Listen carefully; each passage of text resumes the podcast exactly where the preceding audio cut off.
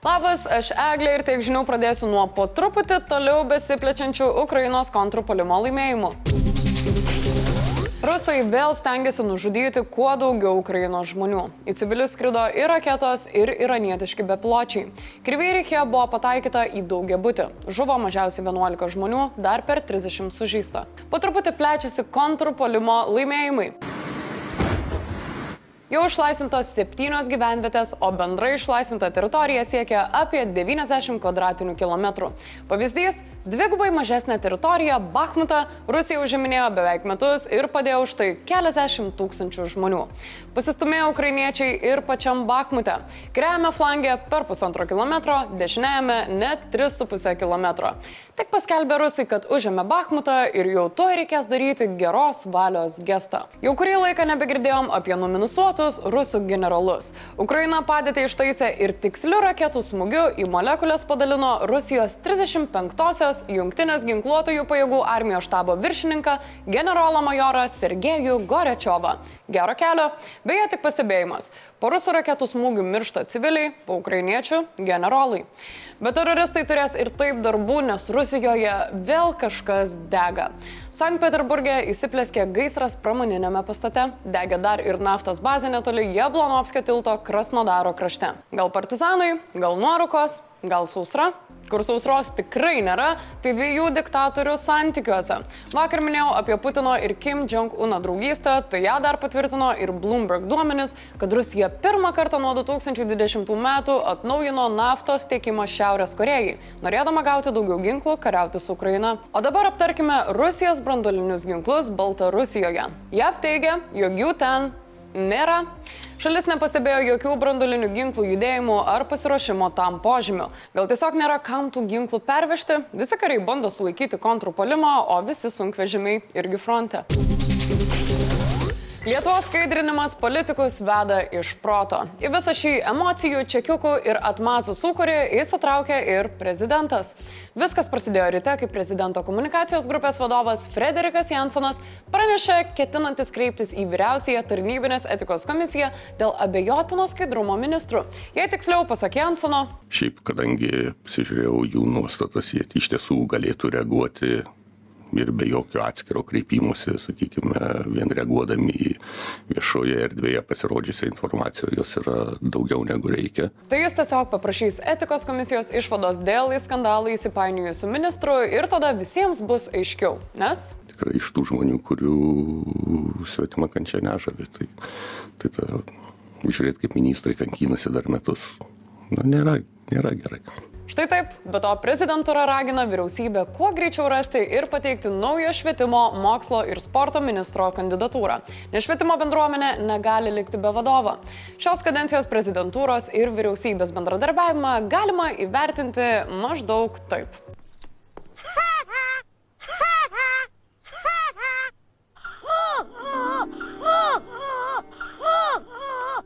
Vaidmenimis klipukė prezidentas ir vyriausybė apsikeičia kažkur kas pusę metų. Tačiau valdantieji nusprendė, kad nesiklausys prezidentūros komentarų, nuleidę galvas. Konservatorių lyderis Gabrielius Landsbergis sako, kad prezidentūra turi teisę kreiptis į komisiją, tačiau tuo pačiu būtų gražu gauti ir komisijos išaiškinimą dėl nausėdos rinkimų kampanijos metu nepateiktų šeimos turto deklaracijų.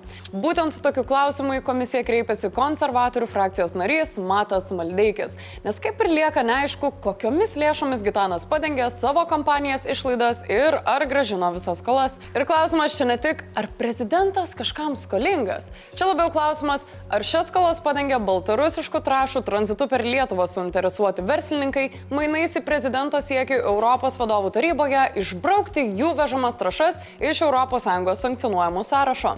Dabar jau pagalvojus, komunikacija tarp vyriausybės, Seimo ir prezidento atrodo štai taip.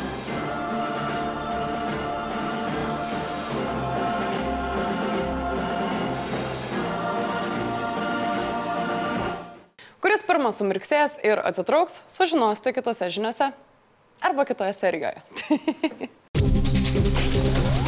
Nauja diena, nauji savivaldos neskaidrumo skandalai. Šį kartą čekiukai skandina ne bet ką, o Vilniaus miesto savivaldybės administracijos vadovą Adomą Bužinską.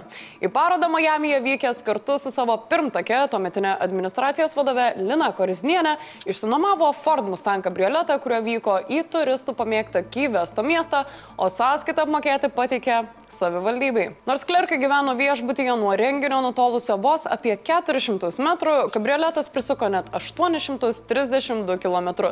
Bužinskas apmokėjimui patikė ne tik kurą, bet ir Mustango parkingo bilietus iš viso 242,64 euro. Išlaidos jau gražintos į savivaldybės biudžetą. Bužinskas pripažino, kad padarė klaidą. Nereikėjo nei tam važiuoti, nei savivaldybės prašyti kompensacijos. Klausimų kelia ir kitas garsus Vilnietis. Remigijui Šimašiui tenka aiškintis dėl 2022-aisiais per kūrybinės atostogas Prancūzijoje pirktų gurmaniškų prekių apmokėtų iš reprezentacinio fondo. Buvęs Vilniaus vadovas nusipirko akacijų medaus, armaniako, kanelių ir slyvų šokolade. Kaip sakė Laisvės partijos pirmininkė Aušrinė Armanaitė, Šimašių vertins partijos etikos komisija. O jei paaiškės, kad gurmanas prisigurmanino neteisėtai, tai nieko labai baisaus. Ten mes kalbam apie, matyti, ne, ne tokias didelės sumas, jeigu tai yra klaida, tai iš tikrųjų jokia problema gražinti, juolab, kad tikrai ne vienas tarybos narys yra gražinęs. Lazdijų rajono merė Ausma Miškinienė viešai prisipažino klydusi, kad praėjusioje kadencijoje už degalus atsiskaitė 43 skirtingomis kortelėmis. Dalį pinigų jį žada gražinti į savivaldybės biudžetą, jei konkrečiai beveik puspenkto tūkstančio eurų. Ji pripažino, kad įdinga praktika buvo tapusi rutina. Visas skaidrinimo skandalas atsiliepia valdančiųjų reitingams. Rinkėjai baustų tiek konservatorius, tiek premjerė Ingrida Šimonytė. Gegužė už konservatorius balsuotų tik 9,2 procento. Tokio žemo rezultato partija šioje kadencijoje nėra turėjusi. Krito ir socdemų, valstiečių, liberalų ir skvernelio demokratų reitingai. Šimonytės vertinimas apklausoje praščiausias nuo pačios vyriausybės darbo pradžios. Skandalas dar toli gražu nepasibaigė, o politinė temperatūra tikrai kils. Žodžiu, nepadėkit popkornų į šalį, gal kaip tik į mikrobangę pašaukit naują porciją. Bet gal ateityje tokių skandalų bus mažiau, nes dabartinis skandalas duoda skanių vaisių. Matseimas nusprendė savivaldybių tarybų nariams mokėti atlyginimus. Arba kaip rezimavo Seimo pirmininkė. Ateityje e, būtų tvarka aiški, skaidri ir nepaliktų jokios erdvės e, tiem dalykam, kurie dėja akivaizdu praeitie vyko savivaldoje. Jei pataisas pasirašys nausėda, jos įsigalios nuo šių metų Liepos. Taigi sveikinam projektą, skaidrinam su pirma rimta pergalė, neskaitant vykstančių teisės saugos tyrimų. Kaip sakė vienas iš įstatymo iniciatorių Audrius Petrošius, tokiu sprendimu užsivamos visos įmanomos kišenės neskaidriam pasipinigavimui. Įstatymas apims ne tik algos gavimą, išmokas kanceliariniams priemonėms, bet net ir kompiuterinės technikos išdavimą. Taigi daugiau jokių makbukiukų pakištų po telefono išlaidos. Nauja nustatyta tvarka bus aiški, skaidri ir vienodai taikoma visose savivaldybėse. Tarybos narių atlyginimai sieks 20 procentų mero atlygio ir jie mokės mokesčius kaip ir visi dirbantis. Bendras apmokestinimo tarifas sieks 35,7 procento, o jei konkrečiau? Skaičiais siektų daugmaž nuo 640 eurų mažiausiose savivaldybėse iki 805 eurų Vilniuje. Nėra kosmosas, pripažinkit. Vadinasi, į savivaldą žmonės eis ne dėl pinigų, o iš meilės bei aistros miestui ir miestiečiams. Audrius sako, kad už posėdžių nelankymą bus proporcingai mažinamas atlygis, kuris bus kelbiamas viešai. Kitaip tariant, mušantis dinderį bus baudžiami piniginės pratuštinimu ir viešumu. Skaidrinam iniciatorius Andrius Tapinas pasidžiaugė naujai primtu, kad ir netobulu bei vėlyvu įstatymu. Tačiau tai nereiškia, kad viskas baigėsi ir politikai gali lengviau atsikvėpti. Viskas pasibaigs tik tada, kai visi gaus pagal nuopilnus. Mėly socdemai, kaip ten su Jonavos mero nariste partijoje? Kažkaip sakėt, kad kai bus pradėti tyrimai, sustabdys, ne? O kaip jūs galvojat, apsaugos atlyginimas nuo ateities čekiukų skandalų? Mm? Blitz naujienos. Seime nepavyko priimti įstatymų, nes opozicija nesiregistravo balsavimams, protestuodama prieš laiko su ją sustikti nerandančią vidaus reikalų ministrę Agnę Bilotaitę. Opozicija dalyvavo tik balsuojant dėl darbo užmokesčio savivaldos politikams ir didesnių vaiko priežiūros bei motinystės išmokų. Kiti prieimamai strigo trūkstant kvorumo. Įstatymams priimti reikia, kad balsavime dalyvautų bent 71 Seimo narys. Donaldas Trumpas jau antrą kartą šiais metais stos prieš teismą. Šį kartą Floridoje, Miamio teismo rūmose prasidės pirmasis posėdis. Trumpas turėtų paneigti visus 37 kaltinimus dėl neteisėto, įslaptintų dokumentų laikymo ir trukdymo vyriausybei juos atgauti. Policija tikisi, kad aplink teismą susiburs nuo 5 iki 50 tūkstančių žmonių. Seimas 92 eurais padidino mažiausias vaiko priežiūros, motinystės ir tėvystės išmokas. Taip pat artimieji galės ilgiau prižiūrėti sergančius vaikus. Socialinės apsaugos ir darbo ministrė Monika Navickienė yra sakiusi, kad pakeitimas aktualus apie 5000 mažas pajamas gaunančių šeimų. Rusijos oro pajėgų pilotui Dmitrijui Mišovui leista apsigyventi jo paties pasirinktoje vietoje, kol migracijos departamentas išnagrinės jo prieglopšio prašymą. Migracijos departamentas šios situacijos nekomentuoja, nes informacija apie pateikusius asmenis yra konfidenciali. Lietuvos institucijų duomenimis rusų pilotas į Lietuvą neteisėtai pateko ne per išorės, o per ES vidaus sieną. Primenu, kad komentaruose man parašytumėte, tai atlyginimai ateityje padės išvengti čekiukų skandalo ar visgi ne.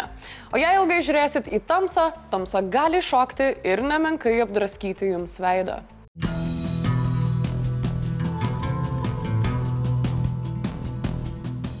Komentarų metas. Vakar mūsų akiliausias ir ištikimiausias žiūrovas Jonas uždavė tikrai įdomų klausimą. Ar žinojot, jog mes esam ir Spotify? Dabar sąžiningai, kam čia yra naujienas, spaudžiat like. Ir toj pažiūrėsim skaičius. Taip pat gavom neblogą priminimą, jog ne vieni vičiai apmoka ukrainiečių genocidą ir pastovės raketų atakas prieš civilius. To užsiema dar ir Mondelės, tai atidėkite šoną Oreo, Milkas ir kitus šios įmonės gaminamus saldumynus, nes sužinoję šį faktą nebegalėsite nejausti ukrainiečių kraujo skonio savo šokoladukuose. Nuo šiandien tiek žinių pasimatysim kitą savaitę. Čiau!